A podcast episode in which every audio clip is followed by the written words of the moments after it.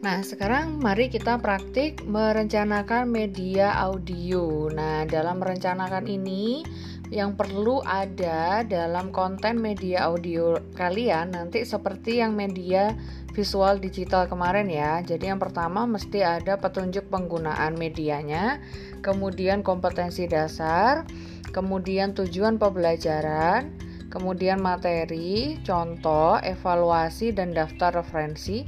Tetapi kalau untuk materi, contoh, evaluasi, dan daftar referensi itu disesuaikan dengan tujuan apa teori belajarnya ya.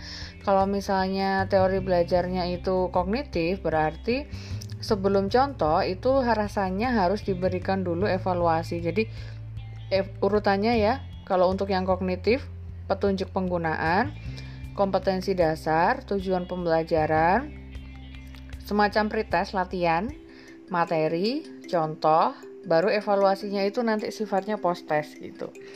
Dan daftar referensi. Tapi kalau misalnya teori belajarnya itu teori belajar uh, apa behavioris, maka di bagian evaluasi itu jumlah latihannya harus lebih dari satu. Kemudian perhatikan juga jenjang belajar siswa. Ini kaitannya dengan tema yang akan kalian pilih untuk uh, kalian buat media audionya.